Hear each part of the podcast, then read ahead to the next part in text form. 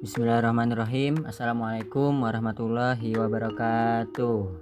Kembali lagi bersama kita di podcast Salim dan Zakaev. Insya Allah di episode kali ini kita akan kembali melanjutkan pembahasan kita tentang Sirah Nabawiyah. Nah sekarang kita akan membahas tentang Perang Tabuk. Kenapa Perang Tabuk bisa terjadi?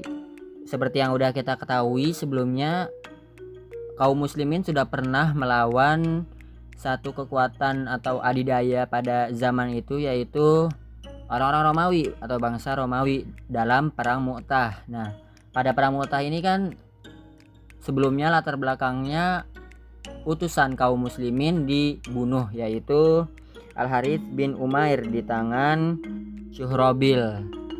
Nah, lalu setelah itu kan terjadi perang Mu'tah dan diakhiri dengan keseimbang ya kaum muslimin dengan kaum Romawi, bangsa Romawi tetapi keuntungan besar didapatkan di pihak kaum muslimin.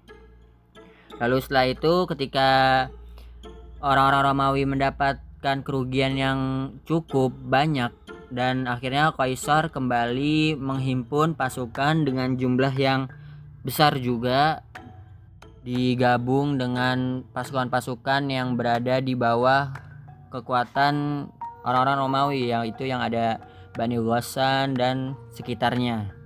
Akhirnya belum genap setahun setelah perang Mu'tah terjadi, Kaisar sudah mempersiapkan pasukan Romawi dengan pasukan gabungan pasukan Arab yang tunduk di bawah pemerintahan Kaisar.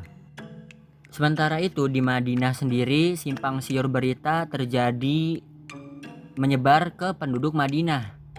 Ketika itu orang-orang Madinah dirasuki perasaan takut karena mendengar simpang siur berita tentang jumlah pasukan Romawi yang begitu besar.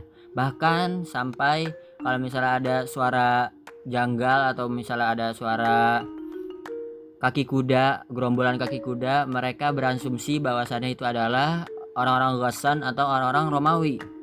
Ghassan ini kan mas, uh, masuknya ke bawah pemerintahan Kaisar ya orang-orang Romawi. Dan ketika itu sampai-sampai Rasulullah Shallallahu Alaihi Wasallam sendiri menjauhi istrinya selama sebulan penuh dengan tujuan untuk fokus terhadap peperangan ini. Sampai-sampai juga orang-orang Muslimin mengira bahwasannya Rasulullah Shallallahu Alaihi Wasallam telah menceraikan istri-istrinya, dan ini membuat situasi di Madinah semakin rumit ditambah lagi dengan perilaku orang-orang munafik yang berada di dalam Madinah mereka terus berusaha menyusupkan ketakutan di dalam hati kaum muslimin. Pada peristiwa tabuk ini orang-orang munafik mendirikan sebuah masjid yang diberi nama Masjid Diror. Masjid ini bertujuan untuk menampung bagi siapa pun yang ingin memusuhi Rasulullah Wasallam, tetapi orang muslim sendiri terkecoh dengan tujuan didirikannya masjid ini. Tetapi nanti pas akhir perang Rasulullah SAW pun akhirnya merobohkan masjid ini.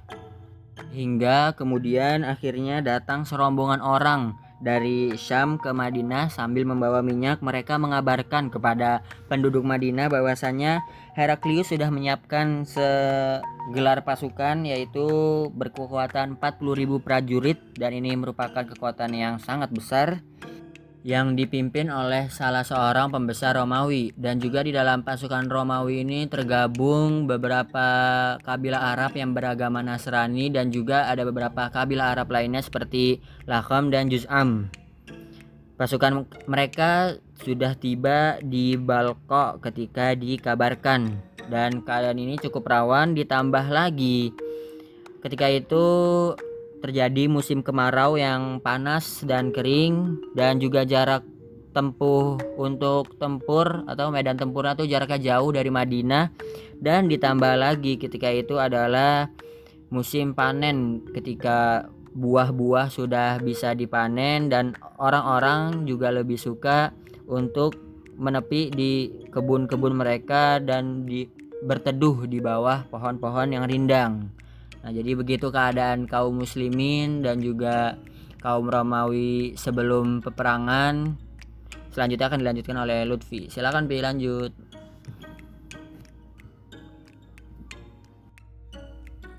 Oke, Bo, Ani lanjutkan.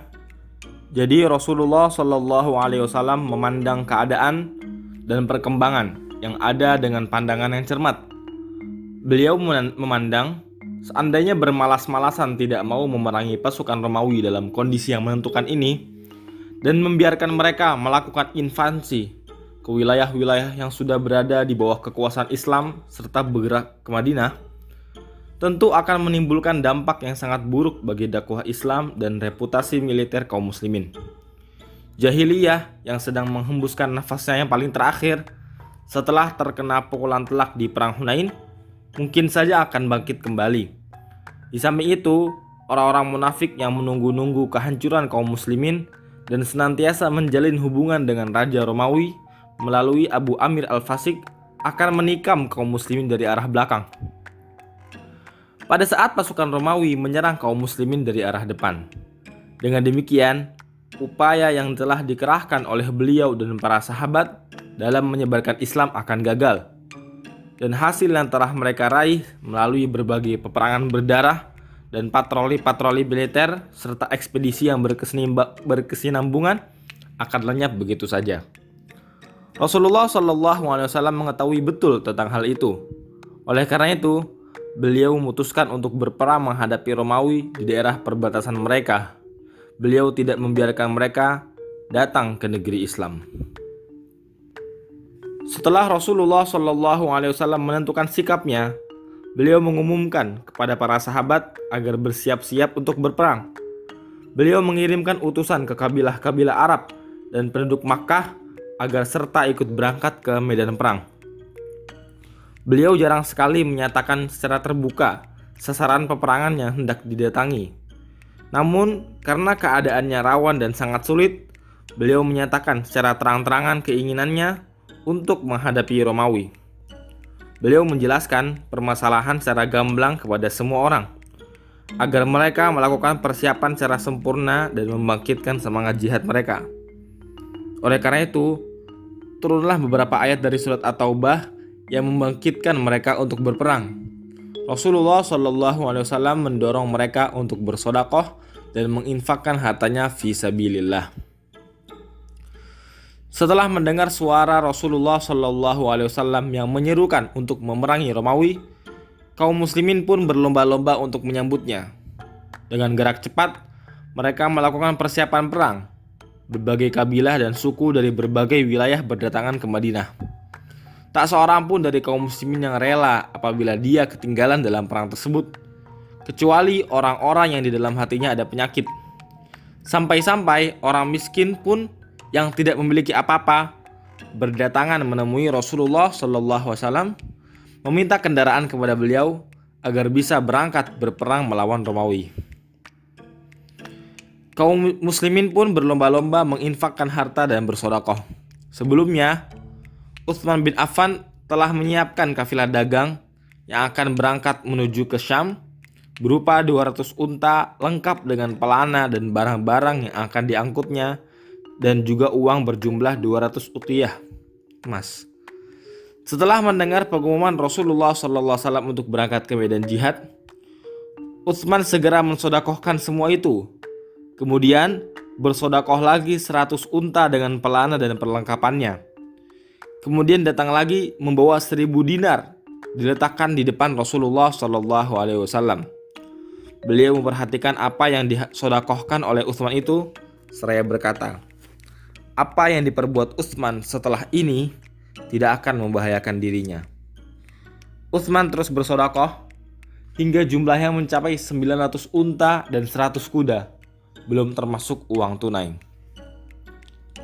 Abdurrahman bin Auf datang membawa 200 ukiyah perak. Abu Bakar datang membawa seluruh hartanya dan tidak menyisakan untuk keluarganya kecuali Allah dan Rasulnya, kecuali iman. Nilainya sebanyak 400 ribu dirham. 4 ribu dirham, maaf. Abu Bakar adalah orang pertama yang menyerahkan sodakohnya. Umar juga datang menyerahkan setengah dari hartanya. Abbas bin Abdul Muttalib, paman beliau, datang menyerahkan harta yang cukup banyak. Tolhah, Sa'ad bin Ubadah, dan Muhammad bin Maslamah semuanya datang menyerahkan sodakohnya. Asim bin Adi datang menyerahkan 90 wasak kurma. Kemudian diikuti oleh yang lain, mulai yang sedikit sampai yang banyak. Sampai di antara mereka ada yang berinfak hanya sebesar satu but, satu telapak tangan. Karena hanya itu saja yang mampu ia lakukan. Kaum wanita pun menyerahkan berbagai perhiasan yang ia miliki, yang mereka miliki, seperti gelang tangan, gelang kaki, anting-anting, kalung, dan cincin. Tidak ada seorang pun yang kikir dan menahan hartanya untuk bersodakoh di jalan Allah, kecuali orang-orang munafik. Sebagaimana yang Allah firmankan dalam Al-Quran, surat At-Taubah ayat 79. Alladzina yalmizuna al-mutawwi'ina minal mu'minina fis sadaqat walladzina la yajiduna illa juhdahum fayaskharuna minhum. Yang artinya orang-orang munafiklah yang mencela orang-orang mukmin yang memberi sodakoh dengan sukarela. Dan mereka pun menghina orang-orang yang tidak memperoleh apa yang disodakohkan selain sekedar kesanggupannya. Nah, untuk episode kali ini cukup sekian. Kurang lebih ya mohon maaf. Barakallahu fikum. Wassalamualaikum warahmatullahi wabarakatuh.